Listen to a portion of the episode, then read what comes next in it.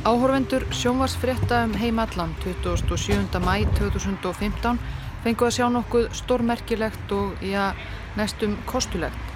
Lauruglu lið leiða sjö jakkafattaklæta menn út af luxushotelli í Sjúrik í Sviss á meðan starfsfólk hotelsins reyndi að dillja viðskiptavinni sína fyrir fréttamyndavilunum með því að baða át skjanna hotelkvítum rúmlökum og sengurverum.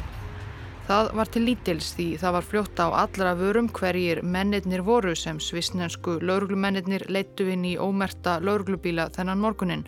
Þetta voru framámenn í einum þekktustu, valdamestu og auðugustu samtökum heims, samtökum sem höfðu lengi verið svo gott sem ósnertanleg.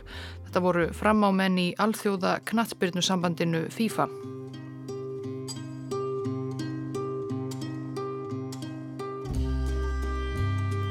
Lóruglu rannsóknin sem átti eftir að skekja gervallan fótboltaheimin hóst ekki beint með kvelli.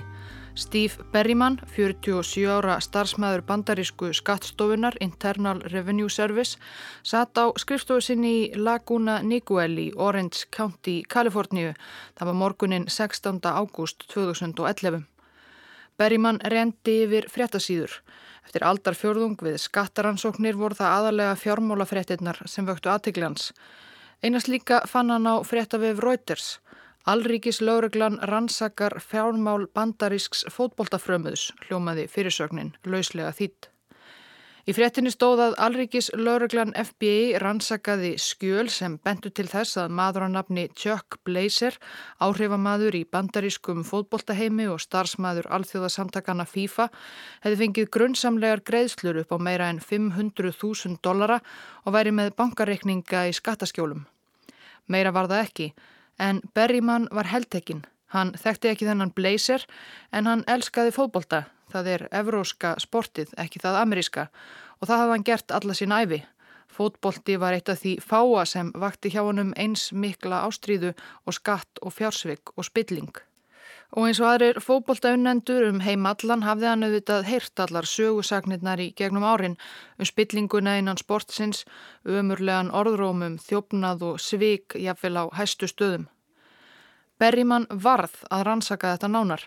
Sem starfsmæður skattstofunar gata hann auðveldlega allavega skoðað skattskýrslur þessa blazers og séð hvort þar væri eitthvað grunnsamlegt að finna sem geti nýst alríkislauruglunni í rannsóknsinni Skattskýrslur eru svo verndaðar í bandaríkunum að jáfnvel FBI hefur ekki greiðan aðgang að þeim. En Berryman fann ekkert, bókstaflega ekkert. Chuck Blazer hafði ekki skilað skattskýrslum í að minnstakosti 17 ár. Það var ekki bara grunnsamlegt, það var glæpur.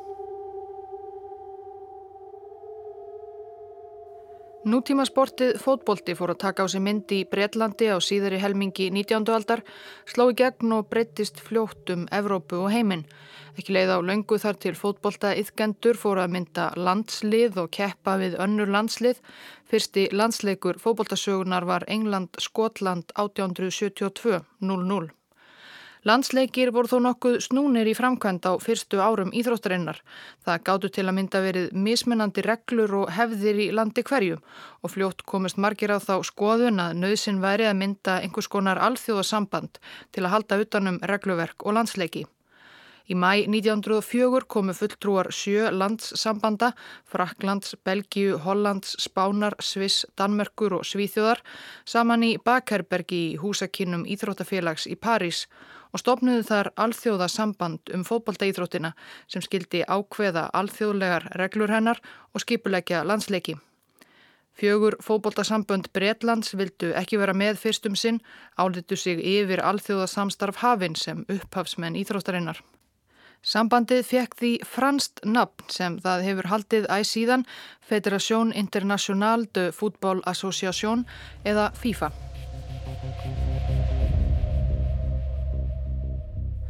Kjæft var í fótbolta á fyrstu nútíma olimpíuleikunum árið 1900, brettar sigruðu og hefur verið gert æg síðan. En fljótt fóru atvinnumanna félög í fótbolta líta dagsins ljós og olimpíuleikarnir voru þá bara fyrir amatöra. FIFA ákvað því að skipuleikja sérstatt heimsmeistaramót til höfuðs olimpíuleikunum. Það fyrsta var haldið í Úrugvæ 1930.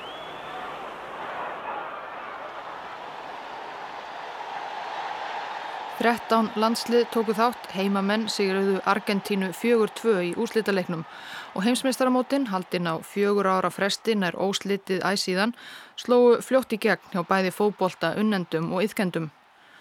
Fyrstum sinn voru mótin þó engin sérstakur gullkálfur fyrir sambandið sem skipulaði þau. FIFA sem var skráð sem góðgerðarsamtök í Sviss grætti lengi aðalega á áskjöldum alls þess fjölda landsambanda sem borguðu fyrir aðild. En fjárhagurinn fór loksins að breytast á langri valdatíð Brasilíumannsins Sjú á Avelanse sem fórseti FIFA. Avelanse, sundkappi og lögfræðingur sem gekk til liðs við FIFA eftir að hafa verið fórseti brasilíska íþróttasambandsins stærði sig gerðan að því þegar hann tók við FIFA 1974 hafi sambandið verið svo gott sem gæltróta. Það var ekki alveg satt, það var alveg slatti á bankabókinni en vissulega gjör breyttist fjárhagur FIFA með hann við stjórnvölinn og sambandið fór frá því að vera kompa í hóværu skrifstofuhúsnaði í Súrik með tíu starfsmenn að alþjóðlegu stórveldi. Afilansi vildi stækka heimsmeistaramótið frá fleiri lið til leiks, halda fleiri mót og styrkja fótboltaíðkunum heimallan, nokkuð sem yrði auðvitað dýrt. Hann fekk því í lið með sér þjóðverjan Horst Dassler sem var yfirmaður hjá sportfatnaðarísanum Adidas og svonur stopnandans Adi Dasslers og saman fengu þeir þá snjöllu hugmynd að fá alþjóðleg stórfyrirtæki eins og Adidas og Coca-Cola til að kosta mót og atbyrði FIFA gegn því að fá að auglýsa þar á leikvöngum, á plaggutum, á leikmönunum, bara um allt, frekar en bara að strita við að selja auglýsingu hér og auglýsingu þar. Þetta sló í gegn hjá stórfyrirtækinum og Kók Gull meðal annars fór fljótt að flæða til FIFA. Annað sem kom svo til á valdatíð Afilansi var sala á sjómarsrétti. Með betri útsendingar og kvikmyndatöku tækni varð fótbolti sífælt vinsætla sjómarsefni um heimallan og ekki leið á löngu þar til fjölmiðla fyrirtæki voru farin að borga FIFA heiminháar fjárhæðir fyrir réttin til að sína frá mótum sambandsins. Þetta finnst okkur kannski allt sjálfstætt í dag. Við erum vön ofur markaðsvættum íþróttaheimi en þetta var nýlunda þá. Fjárkistur FIFA blésu út þó sambandið væri ennskráð sem góðgerðarsamtök og takat fært út kvíarnar í allar áttir í samræmi við það. Afilansi let peninga flæða niður til aðildarfélaga, sérstaklega þeirra minni og fátækari, svo hægt var að borga fyrir velli, þjálfara og takaskó og krakkana. Hann varð vinsæl fyrir og treyði sér þannig endurkjör til forsetta og þingi FIFA á fjögur ára fresti. Þetta varð líka til þess að það fættist ný tegund að bransa, íþróttamarkaðsetning. Milliliðir spruttu fram milli fótboltasambandana og fjölmiðlana og stórfyrirtækjana sem fundu gullþefin og treyðu sér réttin að hinu að þessu fótboltatengdu og seldu áfram, auðvitað með ríflegum hagnaði.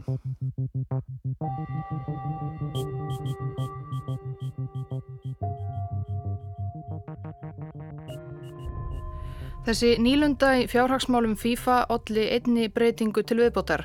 Stórfyrirtækin Coca-Cola og Adidas höfðu fljótlega slíkt taka á sambandinu að þau vildu helst hafa fulltrúa í stjórn þess. Já, svona óformlegan.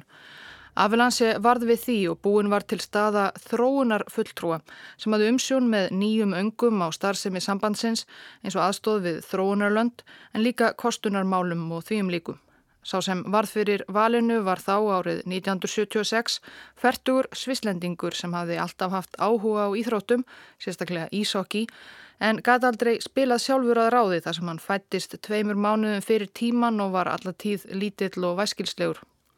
Hann fekk útrás með því að einblýna á business hlið sportsins og átti meðal annars það baki nokkur ár hjá ísokki sambandi Sviss þegar hann var ráðinn til FIFA til að sjá um þróun og gæta hagsmuna Coca-Cola og Adidas. Hann var skýrður Jósef en var alltaf kallaður Sepp, Sepp Blatter og hans beigð glansandi framtíð hjá FIFA.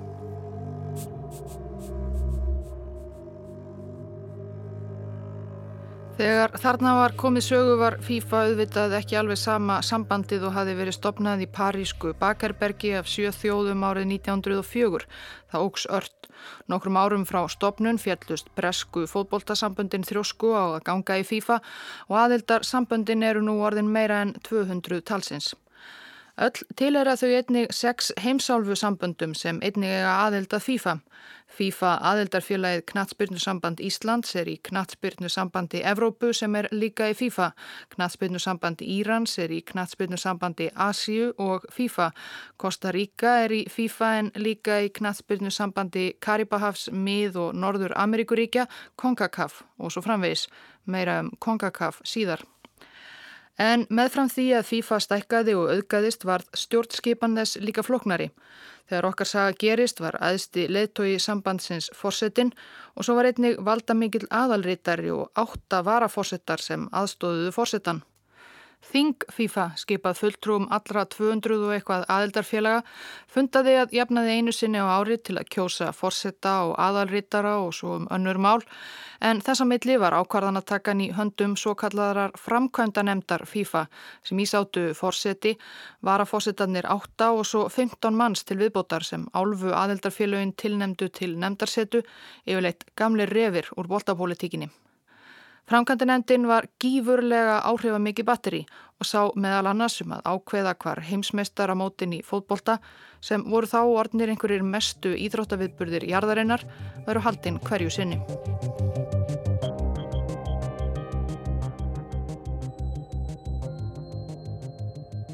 Eitt fyrsta stóra íþróttamarkaðsetningar fyrirtækið sem spratt upp í kringum FIFA og fótboltan hétt ESL, International Sports and Leisure og það var Adidas prinsinn sjálfur Horst Dassler sem stopnaði það 1982 utanum ein hugmyndir um kaup og sölu og auglýsinga og síningarétti á stórmótum í fótbolta. ISL varð fljótt aðal samstagsfyrirtæki FIFA í stjórnatíð Avalansi og svo áfram 1998 þegar Avalansi þá 82 ára hætti og vonarstjarnar stórfyrirtækjana Sepp Blatter tók við ennbætti fórseta FIFA. Það hafður reyndar fáir veði að það blattir myndi ná kjöri til fórseta.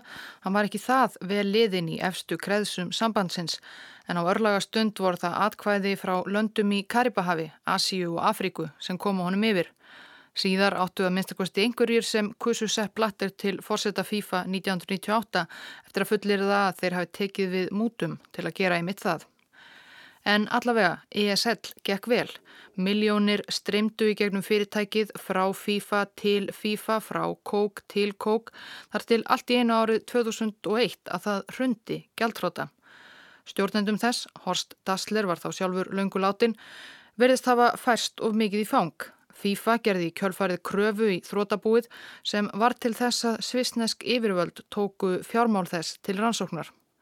Um allt þetta er fjallað ítarlega í bók bandaríska bladamannsins Ken Bensinger, Red Card, um rannsókn bandarískra yfirvalda á FIFA og glæpum FIFA-manna fyrr og nú.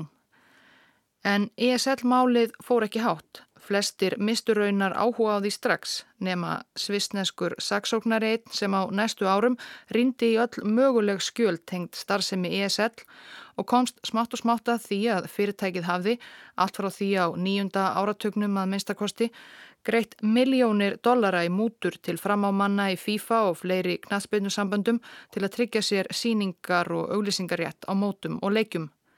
Hann komst líka að því að Sjúá Avelansi sjálfur og tengdasónur hans, formaður brasilíska knastbyrnusambandsins, hafðu persónlega fengið að minnstakosti 22 miljónir dollara frá ESL í gegnum flókna fléttu aflandsfélaga. Saksóknarinn komst að því að Horst Dassler hafi byrjað að múta Avelansi og fleiri FIFA-toppum einlega um leið og samstarf þeirra hófst til að útiloka alla samkeppni Öll starfsemi ESL var frá upphafi byggð á mútugreðslum. En ekkert af þessu skipti máli því viðskiptatengdar mútugreðslur og þegni voru á þessum tíma ekki álitin lögbrót í hennu fjármálulega frjálslinda sviss. Málið gufaði á endanum upp í kerfinu og vakti litla sem enga aðtikli. Sepp Blatter satt sem fastast sem fórseti FIFA og en einstaklega langlífi Sjó Havilands, hann varð 100 ára, var áfram sérstakur heiðurs fórseti sambandsins. Og þannig urdu mútugreðslur smátt og smátt ekki bara grundvöllur markaðsfyrirtækjana sem snérust í kringum alþjóða knatsbyrnu sambandið, heldur varð mútu þegni líka einn helsta tekjulind starfsmanna sambandsins.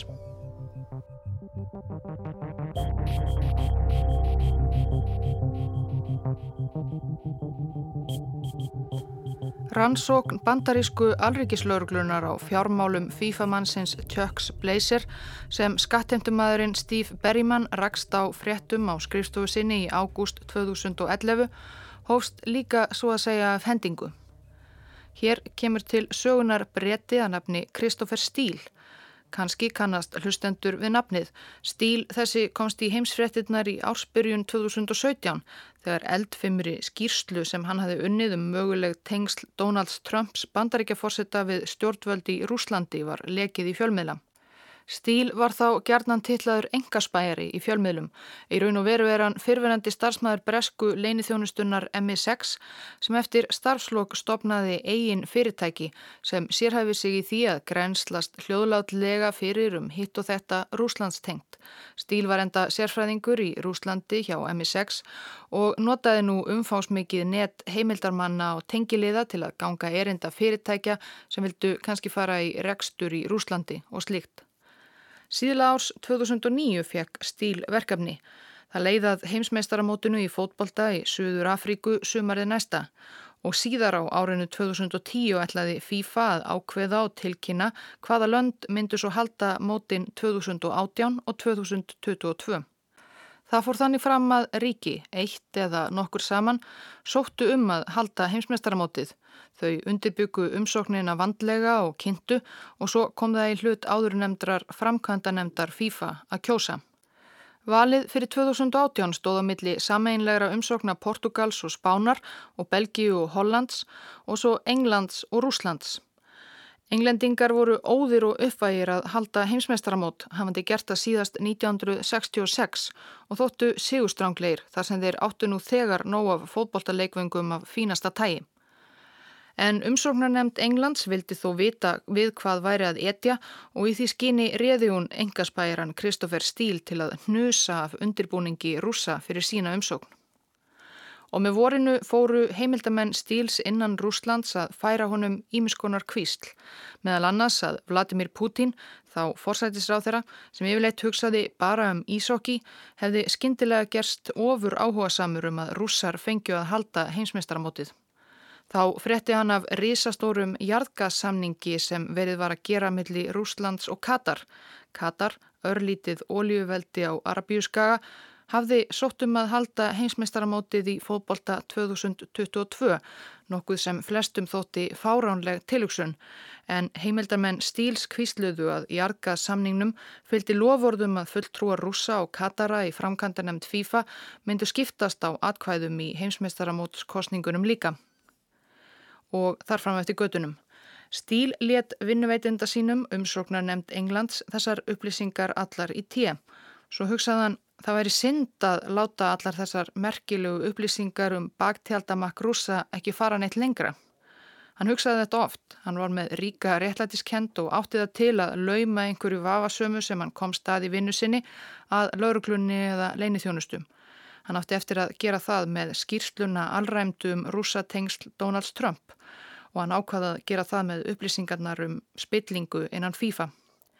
Svo vildi til að hann hafi fyrir örfám mánuðum átt samskipti við yfirmann hjá bandarísku alreikislauruglunni sem var að rannsaka mið-asíska mafjósa í bandaríkunum sem stunduð peningaþvætti og mútu og veðmálastar sem er tengda fótbolta og fleiri íþróttum. Bandaríkjamadurinn hafði leitað til stíls til að fá upplýsingar um mið-asískar mafjur sem fóru að láta til sín taka í bandaríkunum eftir fall Sovjetríkjana. Þetta væri kannski eitthvað við hans hæfi.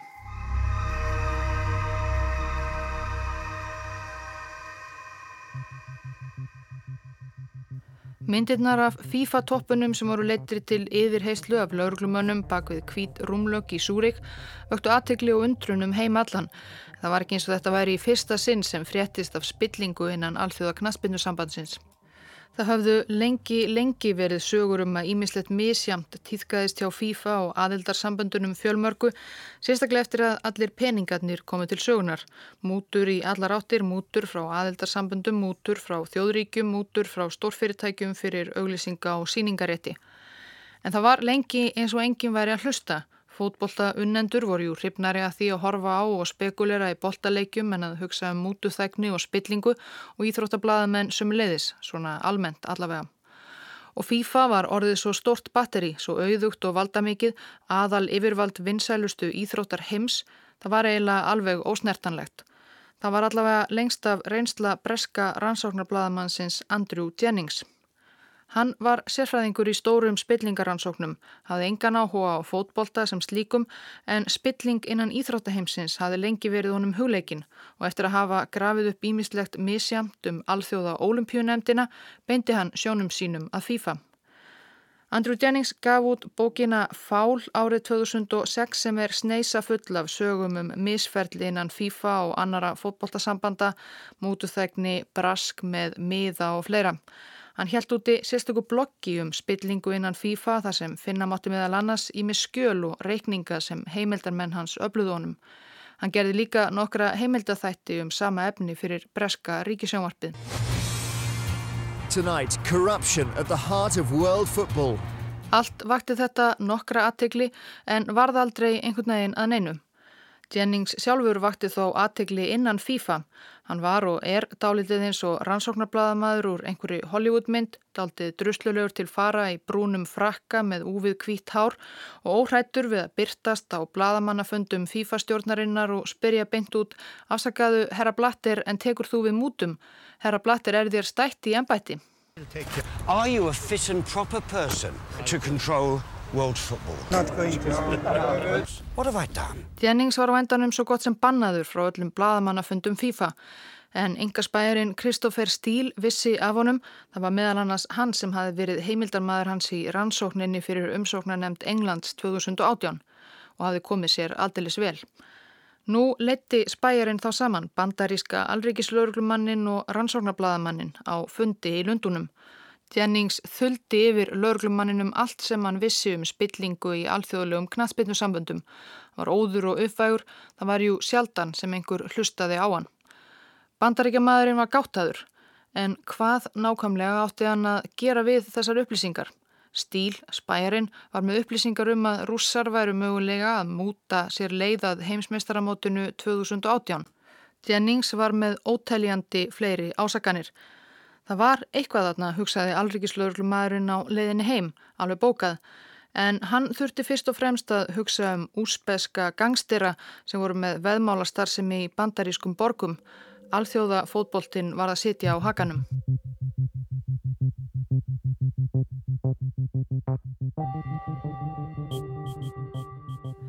Fótbolti, evróskur fótbolti, hefur aldrei verið sérstaklega vinsætli í bandaríkunum, ekki á við margar aðrar íþróttir. Þó hann sé reyndar í sókn núna og sé orðin einn af fimm fyrirferðamestu hóp íþróttum í bandaríkunum, þá var hann lengi ekki tekin alvarlega, álitinn af mörgum bara eitthvað barnasport sem foreldrar settu krakkana sína í, vonandi að hann væri ekki eins harkalegur og ameríski boltinn getur verið.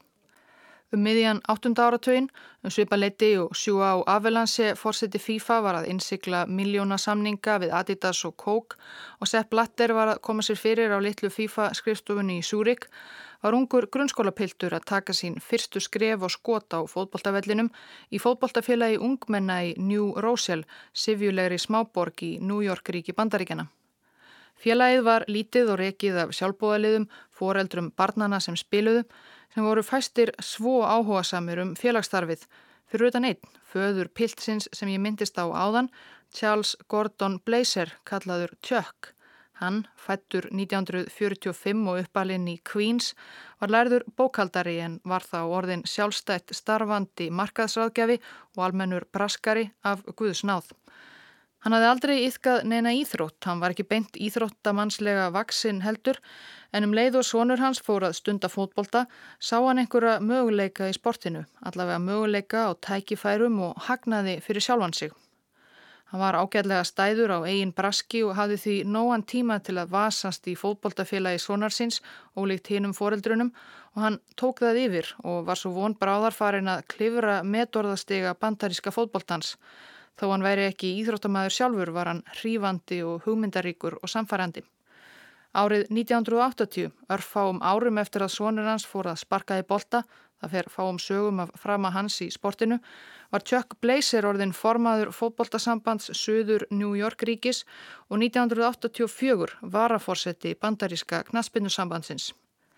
Það var þá stór skuldugt og frekar vandraðalegt, bandaríska landsliðið gætt lítið og hafði ekki komist á heimsmeistaramóti í 34 ár.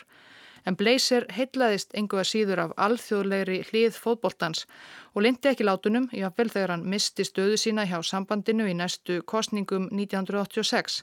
Hann reyndi þá að stopna eigin keppnisteilt sem gekk ítla og nældi sér síðan í yfirmannstöðu hjá liðinu Miami Sharks. Hann varð ekki langlýfur í þeirri stöðu heldur þegar eigandi hákarlana komst að því að Blazer hafi verið að taka sér himinn há laun af frekar takmörkuðum fjárhagliðsins án þess að spyrja hann kong eða prest. Tjokk Blazer hafi nefnilega líka smekk fyrir því að lifa hátt og græða pening og hann dó aldrei ráðalus.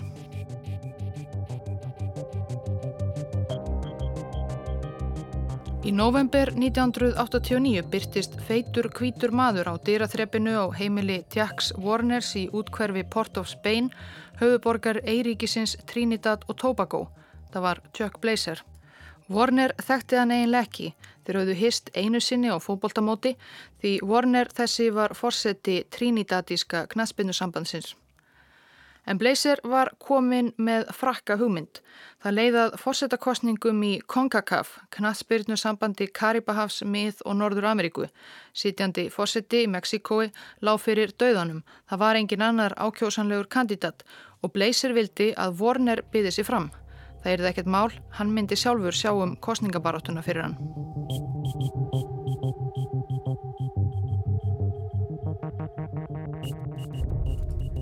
Trinidad og Tobago, íbúar rúmlega 1 miljón, eru sjaldan til stórræðana í fótbolta, ekki frekar en flest eiríki Karibahafsins. En þau mynda sitt eigi litla eigasamband, knattspyrinu samband Karibahafsins, sem á svo aðeilt að áðurnemdu CONCACAF, sem er svo eitt af álfu samböndum FIFA. Fótbóltalega séð þá eru það yfirleitt Mexiko og Bandaríkin sem bera höfuð og herðar yfir lönd Kongakaf en fótbólta politist séð þá gáttu glötuðu smáliðin í Karibahavi haft gríðarleg áhrif með því að starfa og kjósa alltaf sem ein heild. Þau 24 á móti sjöríkjum í Mið-Ameríku og þremur í Norður-Ameríku. Chuck Blazer áttaði sig á þessum. Hann stólaði á að Jack Warner geti fengið hinn Eiríkinn til að ganga í takt og kjósa sig í fórsetæmbættið. Og með allt Karibahafið á bakvið sig getur þeir ekki bara dominerað konkakaf heldur líka kannski komist til verulegra áhrifa innan FIFA. Það hljómaði ekki ítla í eirum Chucks Blazer sem hafi aðeins fengið nasasjóna því luxuslífi sem hægt var að lifa í gegnum alþjóðlegan fótbolta ánþess þó að nokkuð tíman sparka í bolta og hann kunni þeirri tilhugsun alls ekki íðla.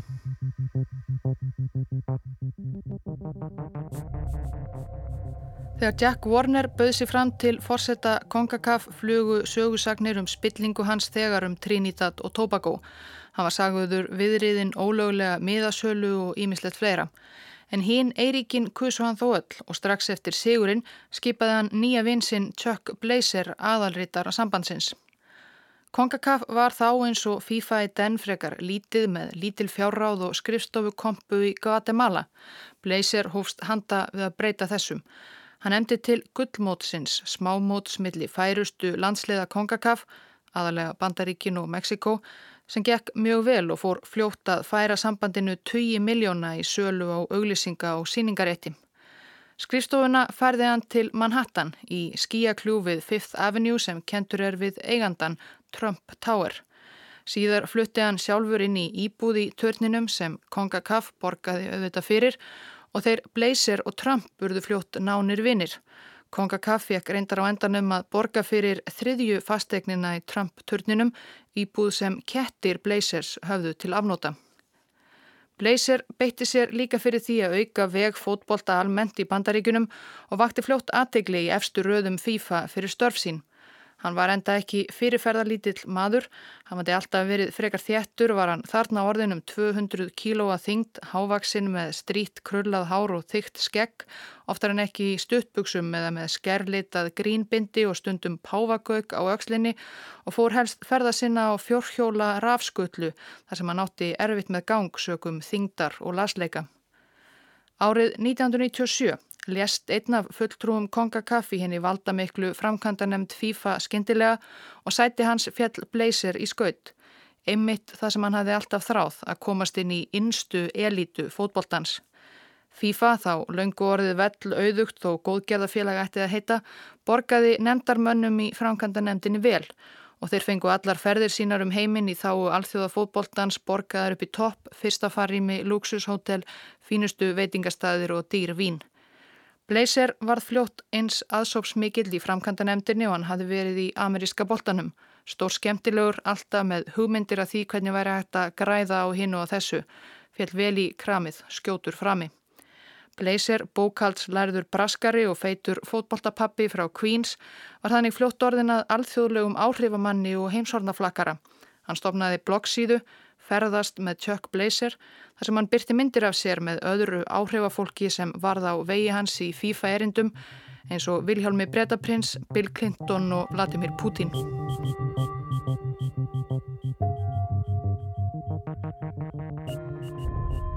Jack Warner og Chuck Blazer, fósetti og aðalrítari Kongakaf hafðu alltaf staðið saman í gegnum súrt og sætt. Aðalega sætt, báðir högnuðust gífurlega á samstarfinu og ekki alltaf á alveg löglegan hátt, kannski síst á löglegan hátt. Eins og átti eftir að koma í ljóð síðar rákuðir Kongakaf eins og sína persónlegu eign. Blazer tók sér 10% af öllum arði sambandsins frá auglýsinga og síningarétt sölu, miljónir dollara á ári. Hann notaði kreditkort sambandsins sem sitt eigið og borðaði á fínum veitingastað á hverju kvöldi. Warner hagaði sér álíka. Hann gekk í bankabækur sambandsins og lit skrifa eignir þess á sjálfan sig. Hann stundaði líka áfram miðabrask, gaf ættingum sínum jobb hjá Kongakaf og fleira misjamt.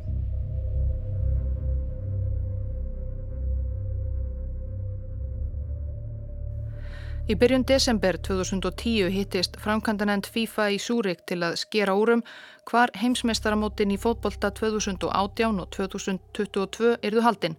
Það var ögur stund fyrir áðurnemdar umsóknarnemdir, ekki síst þá ensku. Af fjölmiðla umfyllun heima á Englandi að dæma hafði enska þjóðin aldrei þráði neitt eins heitt og að halda heimsmestaramót í knatsbyrnu á nýjanleik. Allt hafi líka gengið óskum. Nemdin hafi haldið óaðfinnanlega loka kynningu og umsókn sinni, flott myndband með helstu fótbolta í hetjum englendinga sem síndi vel heimsklassa aðbúnað sem þegar var að finna á Englandi.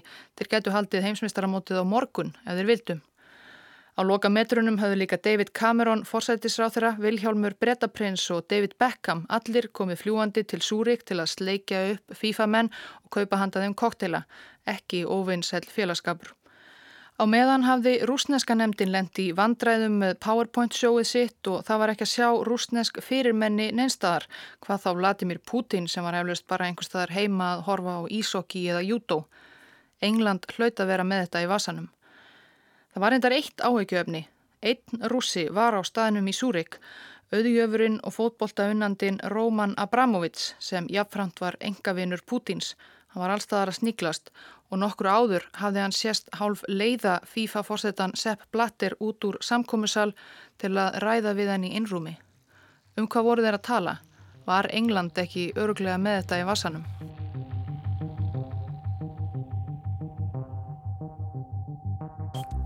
Og 2022 megin var líka spenna því það var líka verið að kjósa um það, þar, þar næsta heimsmeistaramót.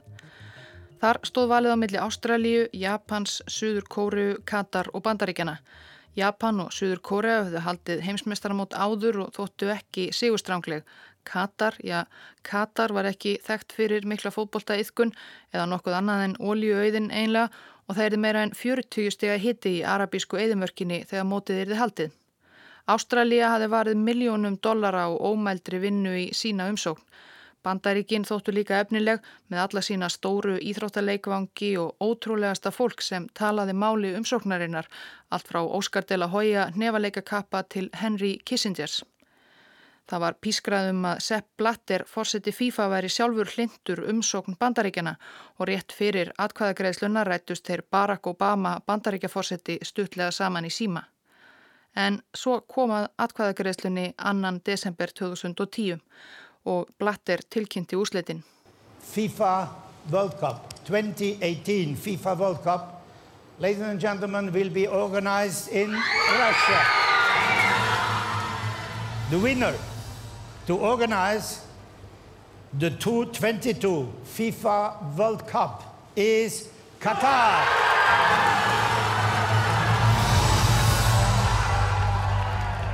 Í Rúslandi og í Katar dansaði fólk á gödumúti. Vladimir Putin, ísokkimaðurinn Knái, flög beint til Súrik til að taka þátt í hátíðahöldunum þar. Breska pressan fór yfirum. Þetta var einhver mesti þjóðarskandal sem sést hafði. Hvernig var hægt að klúðra þessu? Ímsir aðrir klóruðu sér líka í kollinum. Rúsland, ok, kannski, en Katar... Meðal þeirra sem klóruðu sér í kollinum var ungur maður að nafni Jared Randall, nýliði hjá bandarísku alrikislauruglunni sem sá smáfréttum útlutinina í New York Times. Hann tilherði deild sem rannsakaði rúsnesk og miðasísk glæpagengi í bandaríkunum. Fyrir nokkru hafði yfirmaður hans farið til Lunduna og hitt þar breskan engaspæjara sem vildi endilega tala um spillingu í alþjóðafótbolta og óeðlileg rúsnesk áhrif. Það hafði ekki farið mikið lengra en það, það var nóg annað að gera og þetta var allt of óljóst og fjarlægt. En nú kveitti þetta í randal.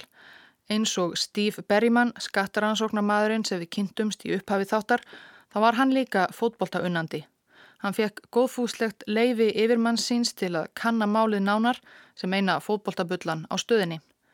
Það reyndist reyndar hans erfitt. Það var erfitt að komast inn í þennan lokaða heim. En loks komst Randall í kynni við mann sem hafði reyndar samband við alrikislaurugluna fyrrabræði, landasinn mann að nafni Chuck Blazer og einnig skattrannsóknarmann nokkur frá Kaliforníu. Og saman áttuður eftir að breyta gangi rannsóknarinnar og fótboltasögunni, en meira um það síðar.